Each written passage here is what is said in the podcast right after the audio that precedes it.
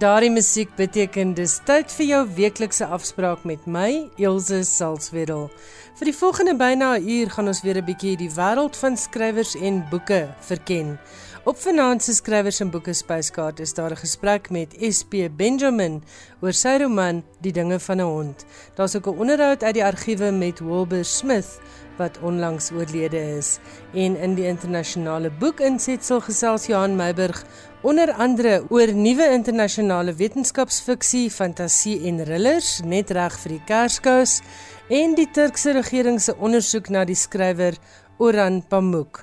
Baie welkom by RSG 100 tot 104 FM en dankie dat jy saam met ons vir die radio kuier.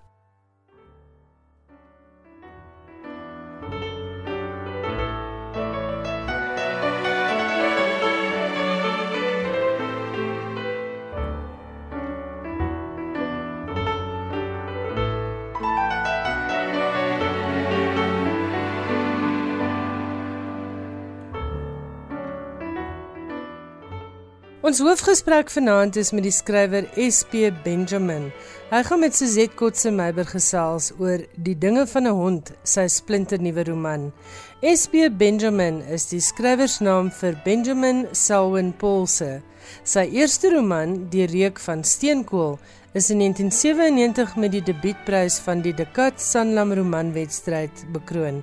Vir sy debuutkortverhaalbundel Die lewe is 'n halwe roman wat in 1999 verskyn het, het SP Benjamin in 2000 die Eugène Maree prys ontvang. Kom ons luister na hierdie baie interessante gesprek tussen Suzette Kotse Meiburg en SP Benjamin en hulle gesels oor sy roman Die dinge van 'n hond.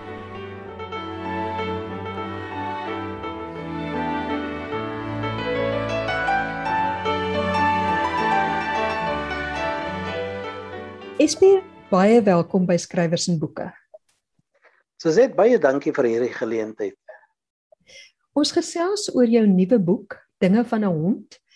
En 'n mens moet 'n sterk maag hê vir hierdie lees, maar dis ook 'n boek wat ek nie gou sal vergeet nie. Waar kom die idee vir die storie vandaan? Dinge van 'n hond, eh, die manuskrip self of die idee van die storie kom op baie lank tyd met my. Wat ek wou doen En soos jy kon agterkom met die lees dat dis 'n saamgooi van 'n paar verskillende karakters. En ek wou graag ondersoek hoe onthou 'n mens en wat vergeet jy? Of wat probeer jy vergeet om môre makliker op jouself te maak? Wat dit is wat jy verdoesel, wat hou jy vir jouself en hoekom doen jy dit? En dit is wat ek wou ondersoek met skryf van dinge van nou aan en ook daai ding van die verlede wat jou nie los as daar goeters is in die verlede wat die sondes van die verlede as ek dit nou so kan noem.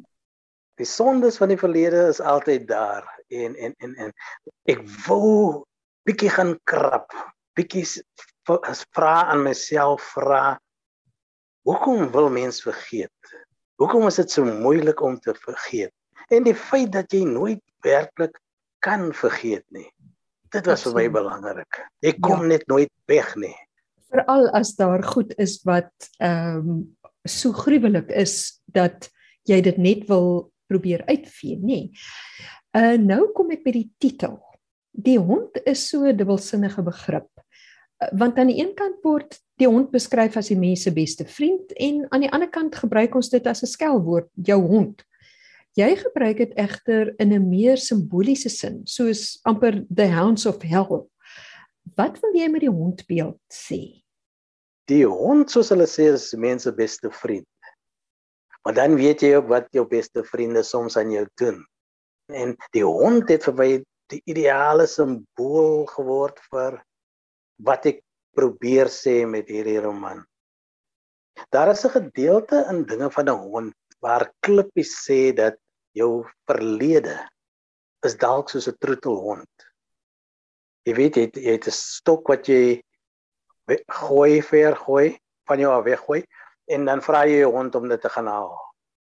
En so doen jy dit die hond bring die stok elke maal terug na jou. Dan op 'n oomblik of op 'n dag gooi jy die stok so ver, die hond gaan kry die stok.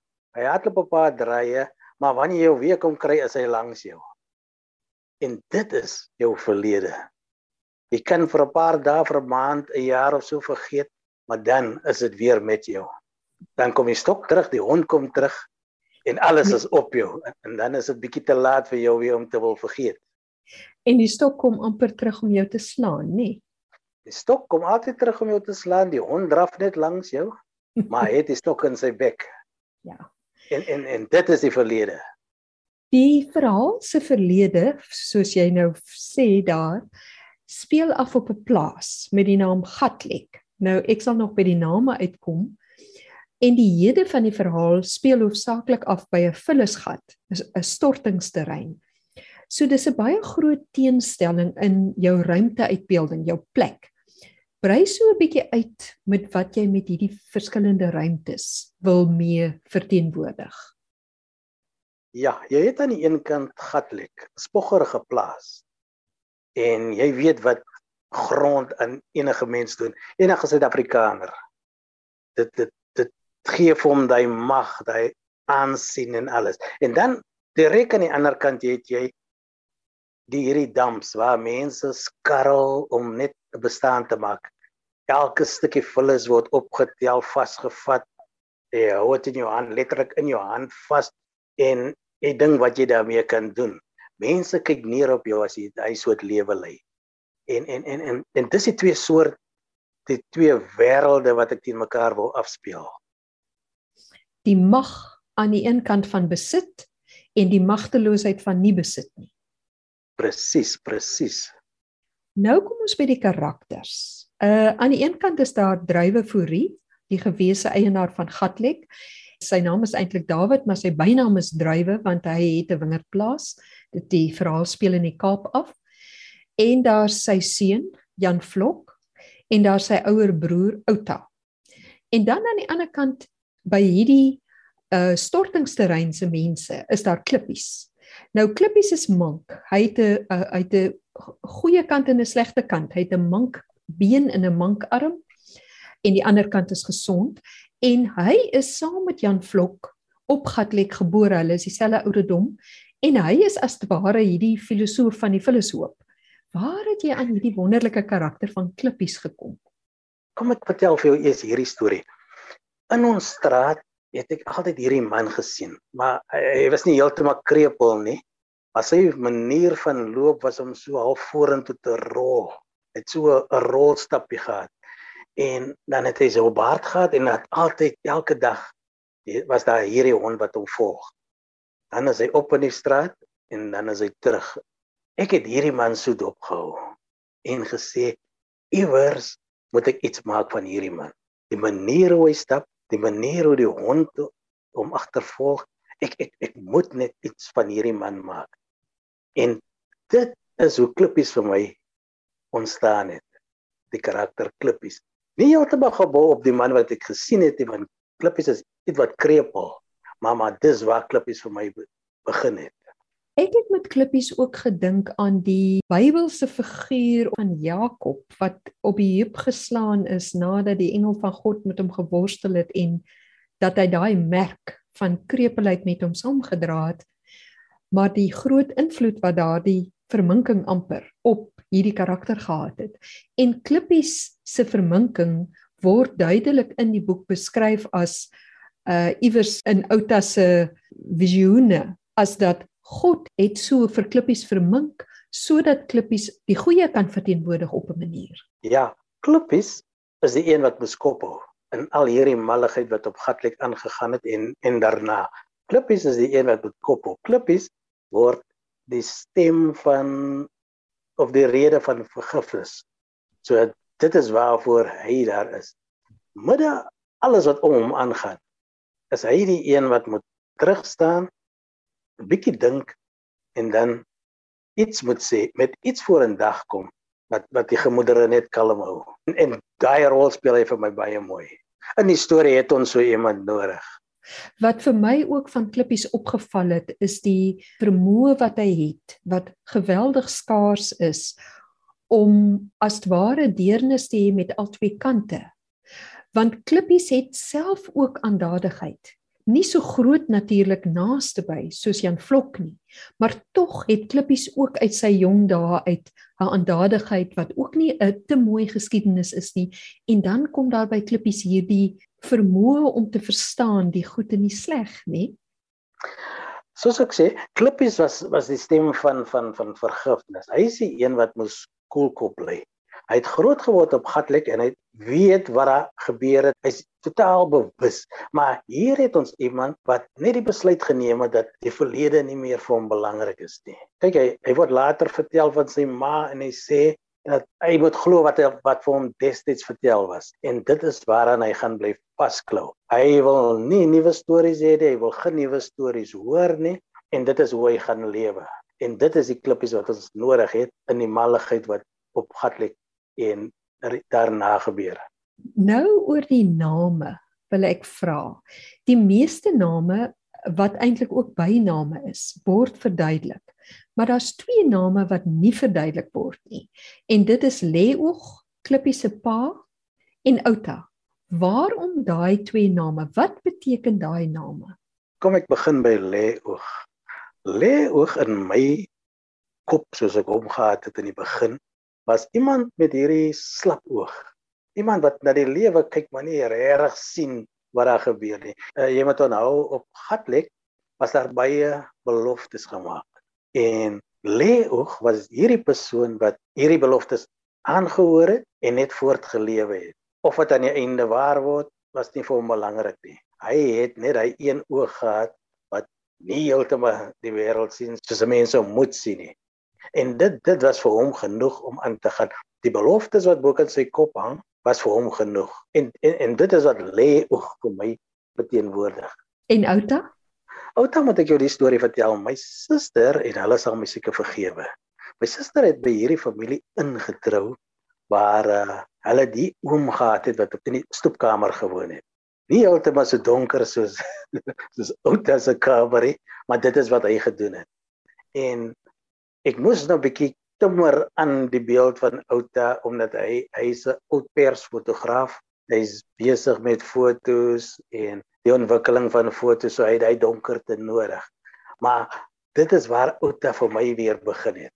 Iemand wat heeltemal as dinge vir hom te veel word en glip hy net by sy kamer in vensters is toegekap die deur bly toe daar's nie 'n gloei lamp nie is net donker daar binne vir hom en, en dit is hoe Outa oorleef Ja, jy's reg.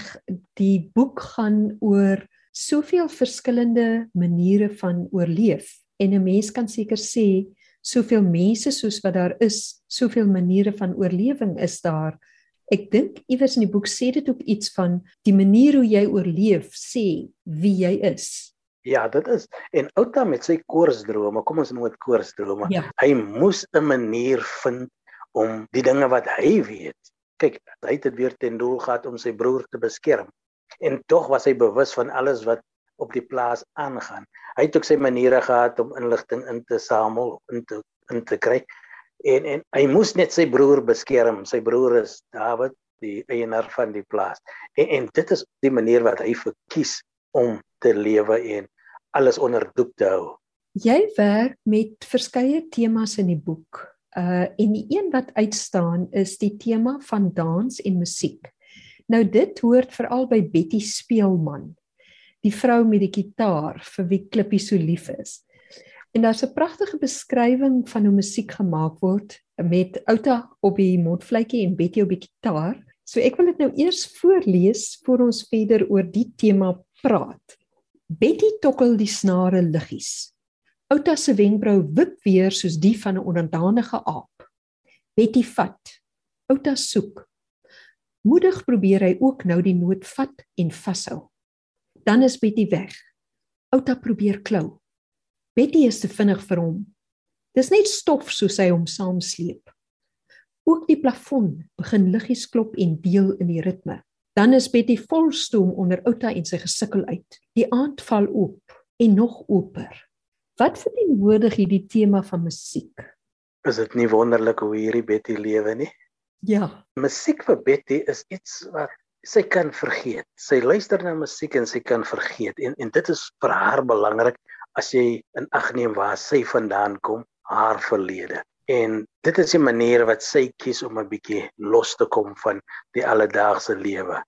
En dit is vir haar belangrik want dit dit skep ook vir haar daai geleentheid om miskien nie deur woorde nie, maar net daai interaksie wat sy dan weer met Klippies het. Klippies aan die ander kant geniet vreeslik Betty se singery en sy gitaarspeelery. En dit is net hoe die twee van hulle weer daai koneksie het. Die musiek element het vir my ook hoop ingebring in die verhaal op 'n baie onderbeklemtoonde manier. Ek wil amper sê die gesegde is waar daar nog lewe is, is daar nog hoop, maar het, ek wil amper sê waar daar nog musiek is, is daar nog is daar nog hoop dit dit is wat Klippies ook op 'n kol vir haar sê dat sy gebruik hierdie musiek om net te vergeet van gister. Sy kruip daar agter weg en dan sê sy vir hom musiek is net musiek. 'n Song is net 'n song. Die woorde is net woorde. Maar dan druk hy as 'n bietjie en sê 'n song is nie net 'n song nie. Dit is wat agter die oë aangaan wat by die mond uitvloei. Maar dit is hoe Betty oorleef. Hierdie is 'n verhaal van gruwelike geweld en misbruik. En soos dit in die regte lewe ook is, is vroue meeredeels aan die ontvangkant daarvan. So in die verlede gedeelte is daar Magdalene, Drywe se vrou en Jan Vlok se ma en Sunshine Solani, die huiswerker wat Klippie se ma is. En dan in die hede is daar Betty wat ook 'n verlede van misbruik het. Maar by Betty is daar vir my 'n interessante verskuiwing dat sy nie net 'n slagoffer is nie. Sy het ook 'n sekere mag oor die mans in hierdie verhaal. Kan jy 'n bietjie daarop uitbrei? Betty is so na aan 'n prostituut as wat kan kom. En dit is net hoe sy verkies en en jy sal weet dat prostituie het 'n manier om hulle self te beskerm. Hulle kry dit reg om hulle net af te sny van die dinge om hulle. En dit is wat Betty baie goed doen en kan doen.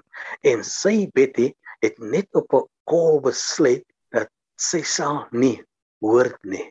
Sy sal haarself nooit weer aan iemand gee nie.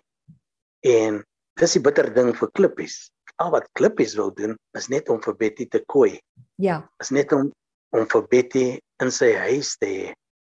Hy wil vir haar kook. Hy wil 'n tuin aanlê. Hy wil hmm aardappels plant, hy wil pompoene plant, hy wil groente vir haar plant, maar groente wat die twee van hulle kan geniet aan die einde van die dag. En dis hoekom hy hy, hy wil net vir haar goed doen. Ja. Maar Betty se kop, Betty se kop is glad nie daar nie. Met haar verlede het sy net besluit genoeg is genoeg. Sy kom ook by hierdie kamp aan waar hulle op die oomblik bly en sy verander haar naam en so verdwyn sy net tussen die res van die mense daar weer. Ja, en haar manier van net aanbeweeg. Sy het besluit in 'n verhaal waarin die kwessie van besit so voorop staan. Wie besit wat? Wie besit nie enige iets nie. Het sy besluit ek en ek wil ook byvoeg as vrou gaan nie besit word nie, nie meer nie. Nie meer nie, nie Betty nie. Betty, so sodra dinge vir Betty net te swaar word of te moeilik word, dan beweeg Betty net weer verder. En sy doen presies wat sy gedoen het toe sy sê by hierdie kamp aangekom het. Sy verander haar naam en sy verdwyn net weer tussen die massas. Nog 'n interessante tema is die Bybelse gegewe. En dit word deur middel van Outa uitgebeeld met al sy visioene en sy drome en sy koorstrome. En die Bybelse Jesus word as ware 'n hedendaagse karakter met die naam van Jannie Jesus. Nou daar's 'n uh, een van die stukkies wat ek ook wil lees, gaan nou juis hier oor Jannie Jesus. So ek wil dit net eers lees. Jannie Jesus verkies Adidas sandale. Nie vir die elegansie daarvan nie, maar juis vir die gemak. Hy trek niks anders aan nie. So ook die vuilgat Judas. Die jaloersgat is ook skielik mal oor Adidas. Een ding is seker. Janie Jesus sal nie sommer van handelsmerk verander nie. Nie wil Judas alles gryp en vat nie. Alles die ook gedurig aanbreek dat sy Adidas tekkies beter op die oog is. Almal is dit eens dat Judas maklik vir Janie Jesus vir 'n paar goeie tekkies sou verraai en uitlewer. Hoe pas hierdie godsdienstige of dan die geestelike aspek in jou verhaal in? Kom ons vra, hoe pas dit in Outa se lewe? Outa met sy drome is heeltemal wat 'n mens kan sê mal. Hy moes 'n manier vind om sin te maak van al hierdie dinge, al die inligting wat hy het en om vir Janie Jesus so na aan hom te bring dat hy in sy drome saam met Janie Jesus kan loop is vir hom baie belangrik. Die feit dat hy langs aan hom kan wees. Hy kan vir hom teenoor Janie Jesus sit en dan hy speel amper die rol van Janie Jesus in in die storie. Dan aan die ander kant het jy vir Judas. Judas speel weer amper die rol van Jan Vlok die wreedaard en hulle twee is op 'n pad waar hulle gaan kles. Wat vir my mooi is van Outa is net die manier hoe hy by daai punt uitkom, hoe hy godsdiens gebruik en en sy broer David skelm ook op 'n kol dat wat weet jy van godsdiens? Jy lewe in 'n donker kamer nou al vir hoeveel jare. Daar is plank geslaan voor jou vensters, daar kom nie lig in nie. Jy het nie 'n gloeilamp in jou kamer nie. Waar kry jy tyd om Bybel te lees? En tog is dit die element wat Outa inbring om vir hom ook 'n bietjie te leer van die waarheid, want die waarheid en God gaan hand aan hand. En ek dink dit is die pad wat Outa gesien het as die maklikste om te loop om die klomp geheime, die goedes wat geheim bly daar op Gatlik of wat Dawid gedink het net onder die mat gevee kan word en daar kan bly sy manier, ouers se manier om al haar goedes na vore weer te bring en op te gooi. Jy het 'n baie besonderse skryfstyl. Ek gee nou so nog 'n paar voorbeelde. Betty wis geen doek of broek van gatlek. En 'n uh, beskrywing van klippies. Sy korrelbaard is strossie suurdruiwe waaraan die tyd geproe, maar toe laat staan het ander nagte weer sou sy sonder boef of blaf aan sy deur klop. Kooityd is Betty 'n veer van 'n ander kleur. Dis die mooiste beskrywende taal en ek sien in jou CV dat jou eerste skryfwerk was gedigte. Maar jy het toe intussen 'n roman en ook 'n kortverhaal gepubliseer. Albei is bekroon. Hoekom het jy die gedigte gelos en oorgestaan na na prosa toe? Miskien moet ek vir jou fluister dat ek nie baie goeie gedigte destyds geskryf het en dit was die einde van dit. Maar maar Afrikaans soos dit is my lewe. Ja. Ek kan my nie ek kan my nie indink in 'n ander taal nie. En as ek in 'n ander taal met iemand kommunikeer, moet ek alles van Afrikaans oorsit en sê Engels byvoorbeeld. Afrikaans is my lewe en so sal ek doodgaan. Ons moet dit lewendig hou. En die taalgebruik het vir my omdat ek as 'n redakteur so indringend met elke skrywer se taal en sy stem werk. Die taal het was vir my so opvallend jou taalgebruik. Daar's 'n klomp uitdrukkings wat ek nie geken het nie en dan het ek by myself gedink is dit 'n soort omgangsafrikaans wat ek maar net nie ken nie of het jy dit half op daai oomblik net uitgedink? baie dinge gebeur as jy in die nag regop sit. ja, uh dit is vir my vreeslik interessant om na mense te luister. En die mooi ding vir my of die goeie ding vir my is dat ek het twee ore. Ek weet nie van ander mense nie. Met die een oor hoor ek wat gesê word, maar met die ander oor hoor ek 'n ander stem. Ek hoor 'n verdraaiing van wat gesê word en, en dit is vir my belangrik om op daai oomblik net dit vas te vang en dan iewers te gebruik in 'n manuskrip of in 'n storie. Maar by by die gedigte het ek nooit uit verder uitgekom nie.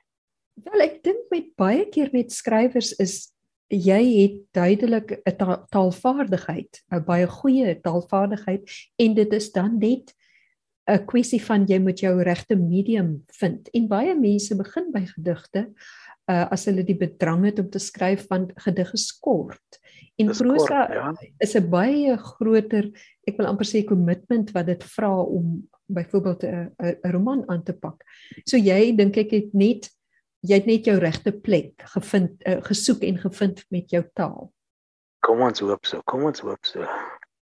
Maar maar uh, ek is absoluut ek is absoluut mal oor hierdie Afrikaanse taal. Dit is my lewe.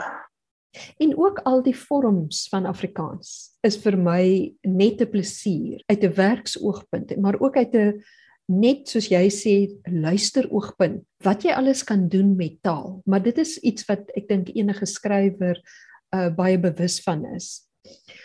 Laaste vraag. Daar's 3 ouer Afrikaanse boeke waarmee jou boek tematies in gesprek tree. En dit is Kroniek van Perrepoort van Anna M Lou, Toorberg van Etienne van Heerden wat albei is plaasverhale en dan Triomf van Marlene van Niekerk. En al drie kom nog uit die tyd van apartheid uit. Uh Triomf is 94 gepubliseer, maar jou boek staan met een voet in die verlede en een voet in die huidige tyd. As 'n laaste woord, hoe wil jou boek ons vandag laat kyk na hierdie komplekse tema van grond en besit? So dit grond was nog altyd in ons verlede 'n baie taai tamaletjie. Daar is die wat het, die wat besit. Daar is die wat nie het nie. En dan is daar die wat graag wil hê of wil besit. En en en of die wat smag om te besit. Eh, dit is meer 'n smagting. En en daar sal altyd konflik wees. Of dit na 94 is, voor 94 na 2022 daar sal altyd beklei word vir grond en oorgrond. En vir my was dit bietjie belangrik om te gaan stil sit en te dink hoe pak 'n mens regtig hierdie hierdie tema aan, hoe hierdie kwessie. As jy het en jy verloor, waar laat dit jou? Of jy het nooit gehad nie, nou het jy.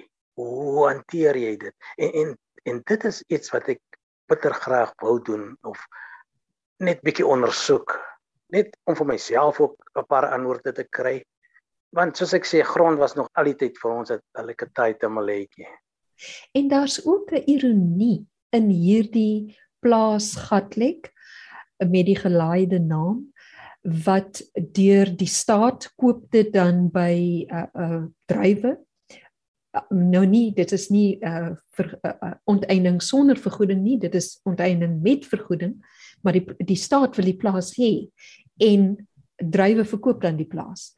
Maar dan verval Gatlek. Uiteindelik behoort dit dan half aan niemand nie. Dit verval dan ook nie hierdie smagting na grond nie. Dit word 'n begraafplek vir 'n klomp ou geheime. Is is is dit net tipies wat vandag gebeur nie? Jy kry en jy loop weer weg want jy jy weet nie regtig wat om te doen met daai grond nie jy kry 'n plaas. Jy word nou skielik 'n boer, maar jy het geen kennis van boere. Wat word van die grond? Soos hulle spot, jy sit net daar jy hou die son dop, want jy jy weet nie regtig hoe om jou hande in die grond te kry en iets te verbou nie. En dit is tipies, tipies van wat deesdae in ons land aangaan. Ek weet nie of dit in ander lande ook so is nie, maar wat hier ingaan. So wat ons sien is dat besit eintlik 'n baie ingewikkelder ding is as wat dit op die oog af lyk. Baie meer ingewikkeld. Baie meer ingewikkeld. Maar maar dit is waarmee ons vandag sit. En en dinge van 'n hond is vir my hierdie hierdie moderne plaasroman. Want ja. dit is wat oor en oor en oor gebeur. Ja. Ek het soms by myself gedink iemand moet eintlik 'n uh, skripsie doen, 'n uh, uh, student 'n akademiese studie doen oor jou moderne plaasroman te vergelyk juis met hierdie ouer plaasromans en te kyk waar lê die verskuiwings en waar lê die ooreenkomste.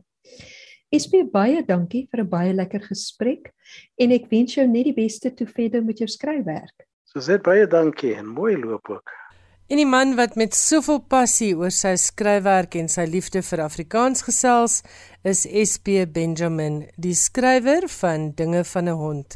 Die boek word uitgegee deur Penguin Random House en Suzette Kotse Meiburg het met SP gesels. Wilbur Smith is 2 weke gelede in Kaapstad oorlede in die ouderdom van 88 jaar. Hy was die skrywer van 48 romans en 1 outobiografie. Alle mintige 140 miljoen eksemplare van sy boeke is wêreldwyd verkoop. Ek het in 2014 en 2016 die voorreg gehad om met Wilbur Smith 'n onderhoud te voer en vanaand kan jy luister na die 2014 onderhoud.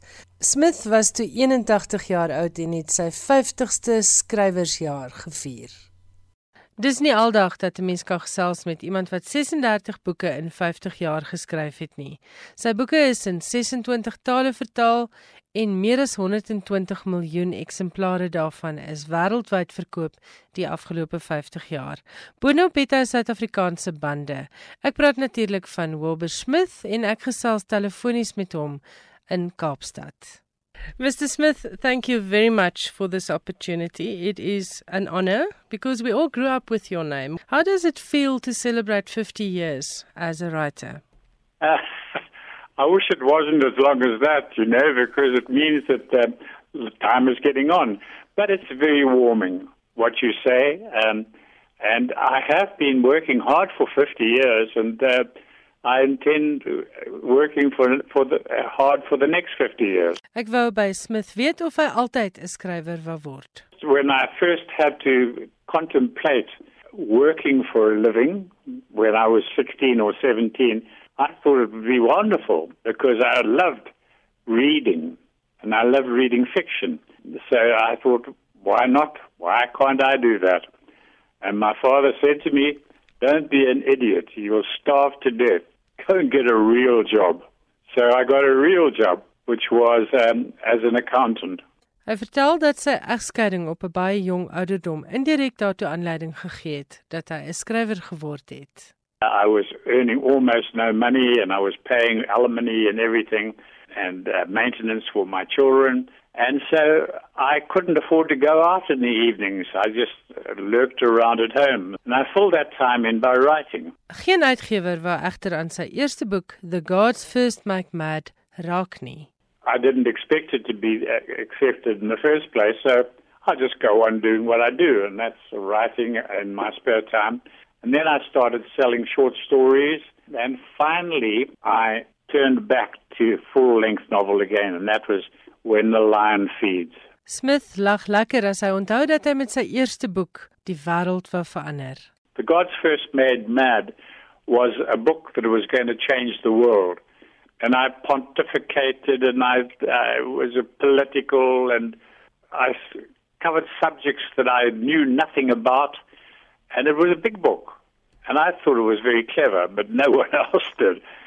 I have a one copy of it left, which no one is ever going to read, which I will take to my grave with me. When I started writing When the Lion Feeds, I wrote about things I knew about cattle ranching, about hunting, about African tribes, and about Africa, and uh, gold mining, and it just was an instant success. Smith is in Zambië gebore of soos dit destyds bekend was Noord-Rhodesië en in al sy verhale is daar 'n sterk Afrika tema. I never left the African shore until I was 30 years of age. I only left Africa when I published a book about Africa, put it that way. Smith se boeke is deurspek met geskiedenis en ek wou by hom weet of daar 'n gunsteling tema in ons kontinent se geskiedenis is. I very, very interested in African history from the pre settler period right up to the present time. That's one thing I did well in, at school was history, and the other thing I did well at school and university was writing fiction. When the Lion Feeds was 'n weghol sukses en het selfs gelei tot 'n voorskot vir 'n tweede boek. So is Smith se droom bewaarheid. Hy kon uiteindelik 'n voltydse skrywer word. I got what to me was a king uh, king's ransom of a, of an advance on the book. I think and I sold film rights and Reader's Digest condensed book, and um, I knew I had another book to write, and I was away. You know, I was filled with confidence and, and excitement, as I have been for the last fifty years.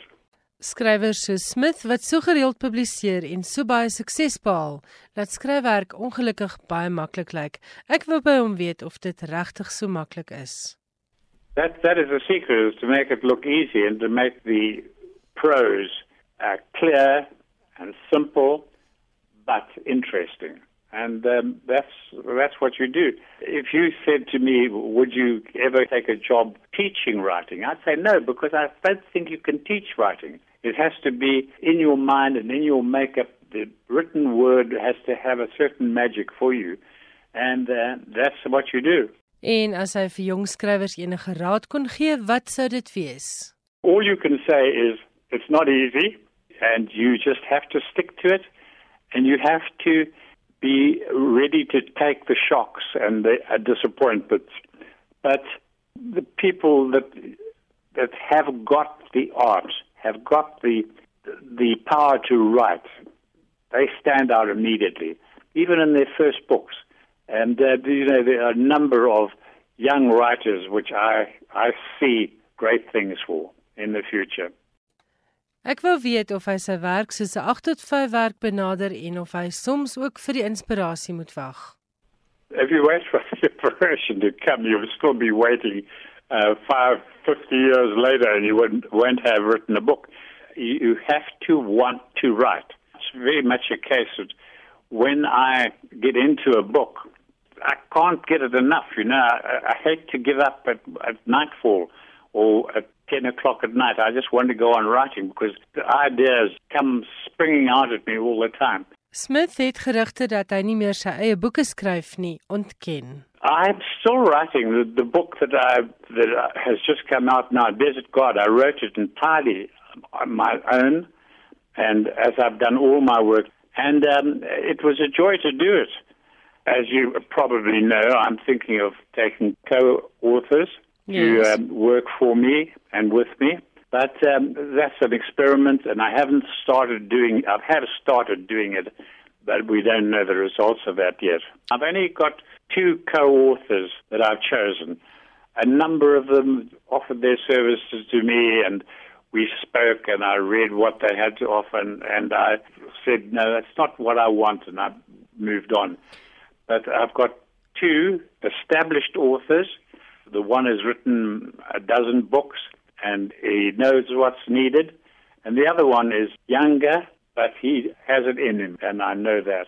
So if it works, and I have every reason to hope that and to believe that it is going to work, because it's worked for so many other people like James Patterson and Clive Cussler and even Alexander Dumas uh, a couple of hundred years ago. So if it works, then I will expand my team of co-authors. 'n Paar van Wilbur Smith se boeke is vervilm en ek wou by hom weet of hy enigsins betrokke was by die skryf van die draaiboeke en indien wel, hoe dit verskil van die skryf van 'n roman. Uh, where I sit here in my study now, I've got the posters from Shout at the Devil and Dark of the Sun and the other movies that were made of my books. And um, they were based on my books. I had nothing to do with the actual writing, the script writing. And I, although I visited the sets and I met and I became very good friends of, uh, of Roger Moore and Lee Marvin and um, other the other actors. It is an it's another genre. It's another uh, science, another skill, Yes, yes. and I I don't want to take on too many things, and so many authors that were excellent novel writers fell short when it came to um, to writing film script. Uh, even uh, the great masters like John Steinbeck and Ernest Hemingway, they couldn't write scripts for, for movies because you have to be brought up in the movie business to understand what is required. Baie van Smith se boeke is in Suid-Afrika verban. Destyds het die sensuurraad aangevoer dit is godslasterlik en opseën. Ek wou by hom weet hoe hy oor hierdie en ander kritiek teen sy werk gevoel het. Now I'm going to tell you a secret. Those books were not banned until they'd almost uh, reached their first life, you know, that they'd sold as many as they were going to sell. And so they were banned by the government of that time at the perfect time to give the books a new life. It was tremendous. And So there's people- nothing like bad publicity. That's what you're saying. That's right. And people have accused me of actually tipping the government to ban my books.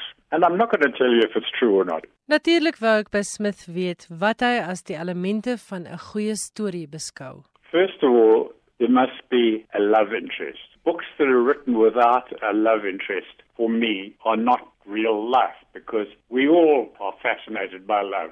The love of a man for a woman, the love of parents for their children, the love of the children for their parents and grandparents. So it's about people. So that is the main thing. Talk about people and you've got 90% of the people on your side already. I work very hard on bringing my characters to life. Write about people and write about the things you know. Yes. And that's uh, the two major conditions for a writer. Smith is in Zambië gebore maar het by Michael House in Natal skool gegaan en aan die Universiteit van Rhodes in Gramstad studeer. Hy is baie trots op sy Suid-Afrikaanse bande. I've got a home in Cape Town, which I will keep till the end of my days. But I also have a home in London, England, and I, I follow the sun. I Um, fly with the birds. When it gets cold and rainy and miserable in Cape Town, you'll find me up north fishing for salmon in Norway, for instance, or Canada. And when the snow falls down there and the, the days get short and dark, then I'm in lovely South Africa, drinking good Cape wine and uh, eating the excellent fruit and fish and vegetables and meat down here. The South Africans don't realize how lovely their country is. Wilbur Smith sê hy het nooit verwag om so 'n bekende skrywer te word nie. I never thought that I'd get a book published. You know, have, having failed at the first, fallen into the first fence.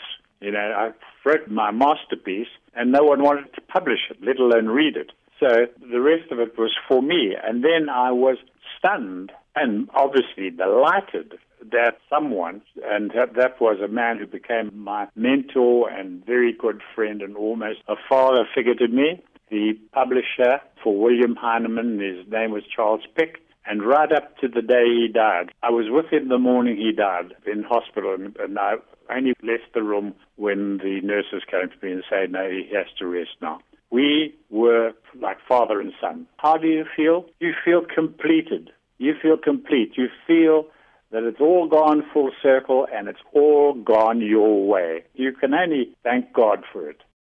Dit was die stem van die skrywer Wilbur Smith wat onlangs oorlede is. Baie dankie aan Karen de Tooy wat daardie onderhoud vir my uit die argiewe uitgehaal het.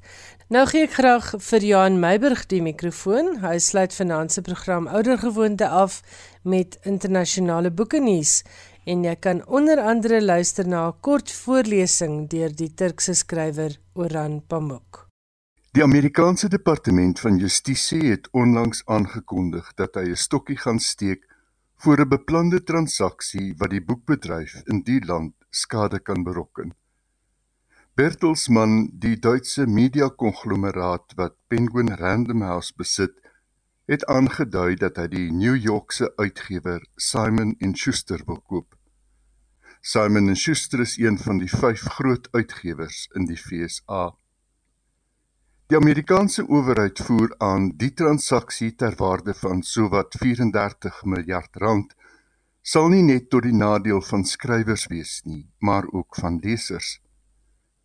In die eerste groot antitrust saak van die Biden-administrasie met die oogmerk om gesonde mededinging te bevorder, het die departement van justisie gesê die transaksie sal Penguin Random House in staat stel om buitensporige beheer te hê oor watter boeke in die FSA gepubliseer word en hoeveel skrywers vir hul werk betaal moet word. As die wêreld se grootste uitgewer toegelaat word om een van sy grootste opponente te koop, gaan hy ongekende beheer oor die belangrike bedryf kry, het Mary Garland, die FSA se prokureur-generaal in 'n verklaring gesê.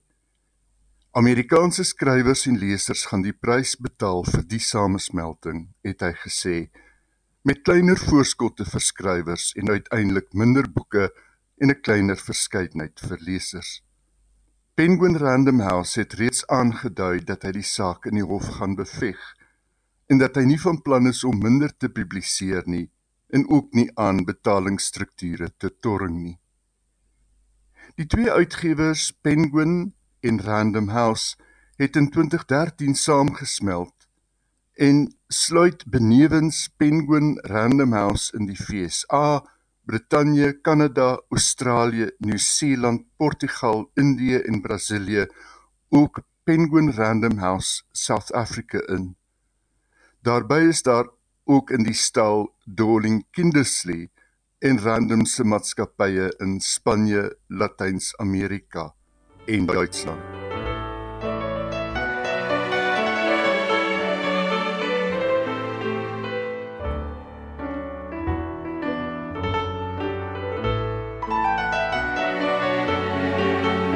'n hele klompie wetenskapfiksie, fantasie en thrillers van skrywers wat in die genres gemaak het, het pas verskyn. Die jongste boek van die Ierse skrywer Effie Campbell wat onlangs verskyn het, word beskryf as 'n filosofiese thriller saam met 14 essays deur kenners op die gebied en handel oor die manier waarop kunsmatige intelligensie en robotika die toekoms van liefde en begeerte verander. Die titel van die boek is gepas The Lovemakers. Dit is Campbell se 4de roman. Met On the Floor van 2013 het sy die langlys van die Orange Prize gehaal. In The Lovemakers verlaat Scarlett, 'n vrou wat voorheen in 'n bank gewerk het en later 'n loopbaan in tegnologie begin volg het, 'n ondergrondse laboratorium om 'n vlug te haal huis toe om ou Kersaand saam met haar 3-jarige seun deur te bring. Op pad na die lughawe gee sy 'n jong vrou 'n saamry geleentheid en die vertel haar 'n storie wat verwoestende gevolge het. Die essay van Kay Devlin wat in die boek opgeneem is, begin so: The first thing to know about sex robots is that there are no sex robots.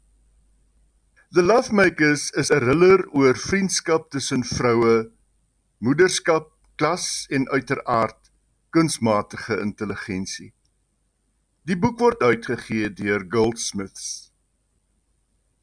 Nadat Lucy McKnight Hardy se indrukwekkende roman Water Shall Refuse Them in 2019 verskyn het, kom die Walliese skrywer nou vorendag met 'n bundel kortverhale met die titel Dead Relatives. Die titelverhaal is 'n klein gotiese verhaal wat in die 1960s in Wallis geplaas is met Iris, die jong verteller wat nog nooit voet uit haar huis gesit het nie en in 'n fantasiewêreld leef. Heelwat van die korter verhale kan beskryf word as huishoudelike gruwels wat die leser boek in die hand ongemaklik kan laat wrimmel. Lucy McKnight Hardy se Dead Relatives word uitgegee deur Dead Ink.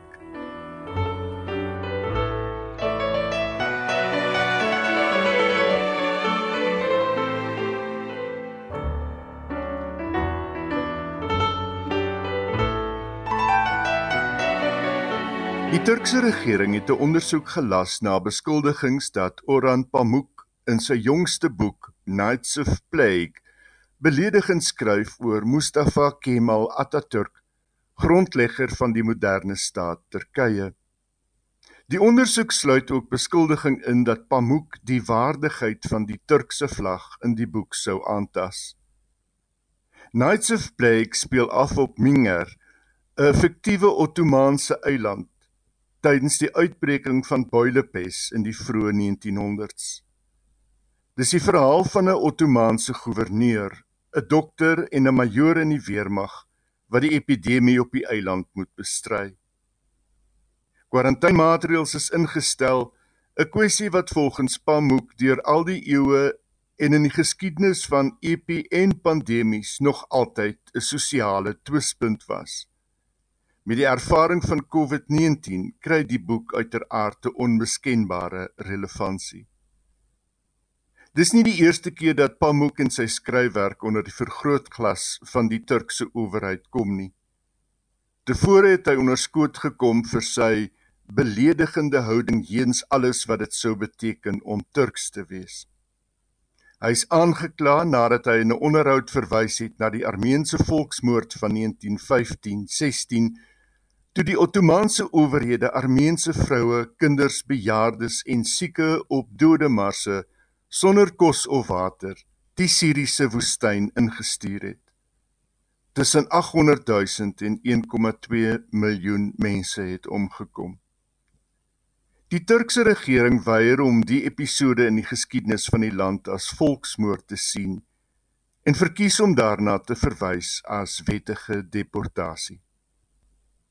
Alle aanklagtes in 2006, die jaar waarin Pamuk die Nobelprys vir letterkunde gekry het, laat vaar. Pamuk het die aanklagte na aanleiding van Nights of Plague ontken en gesê die roman het nie 'n swem van disrespek nie. Hier lees Orhan Pamuk voor uit Istanbul, Memories of a City. Die opname is in 2006 in Stockholm gemaak.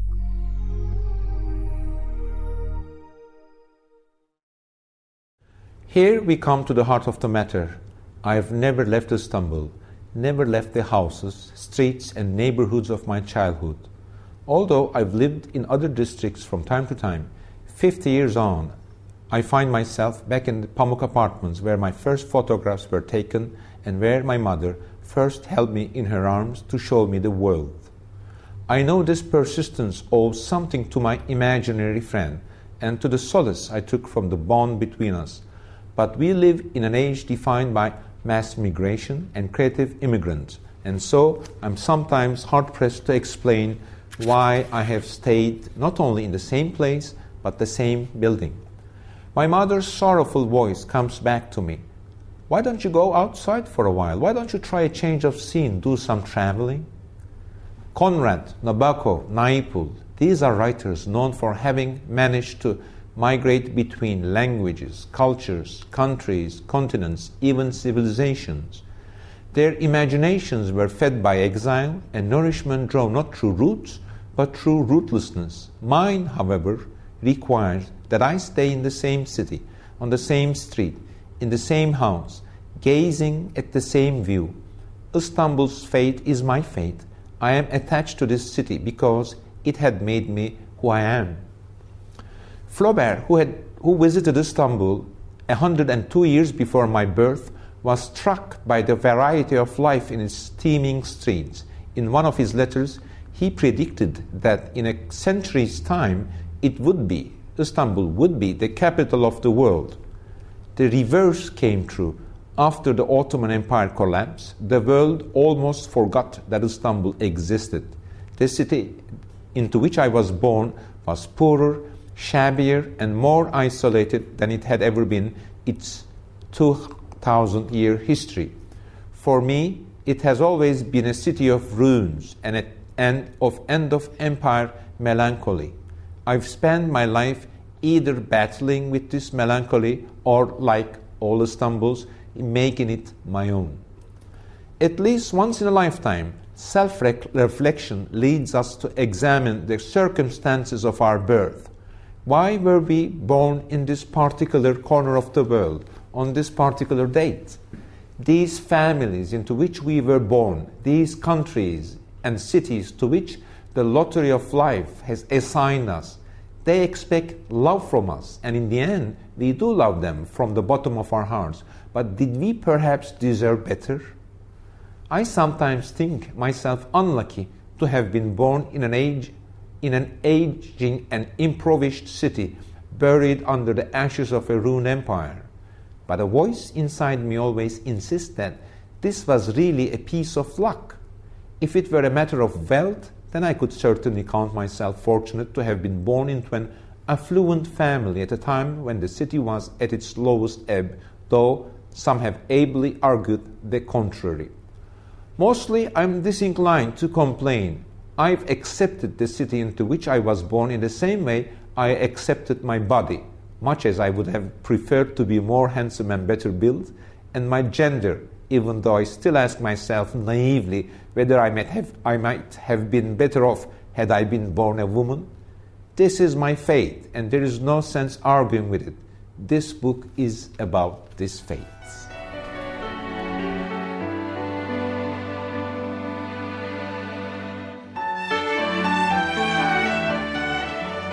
Johan Meiburg se internasionale insetsel is afgesluit met Oran Pamuk wat 'n stukkie voorgeles het uit sy boek Istanbul Memories of a City. Die opname is in 2006 gemaak en dit was ook die jaar wat hy die Nobelprys vir letterkunde gewen het.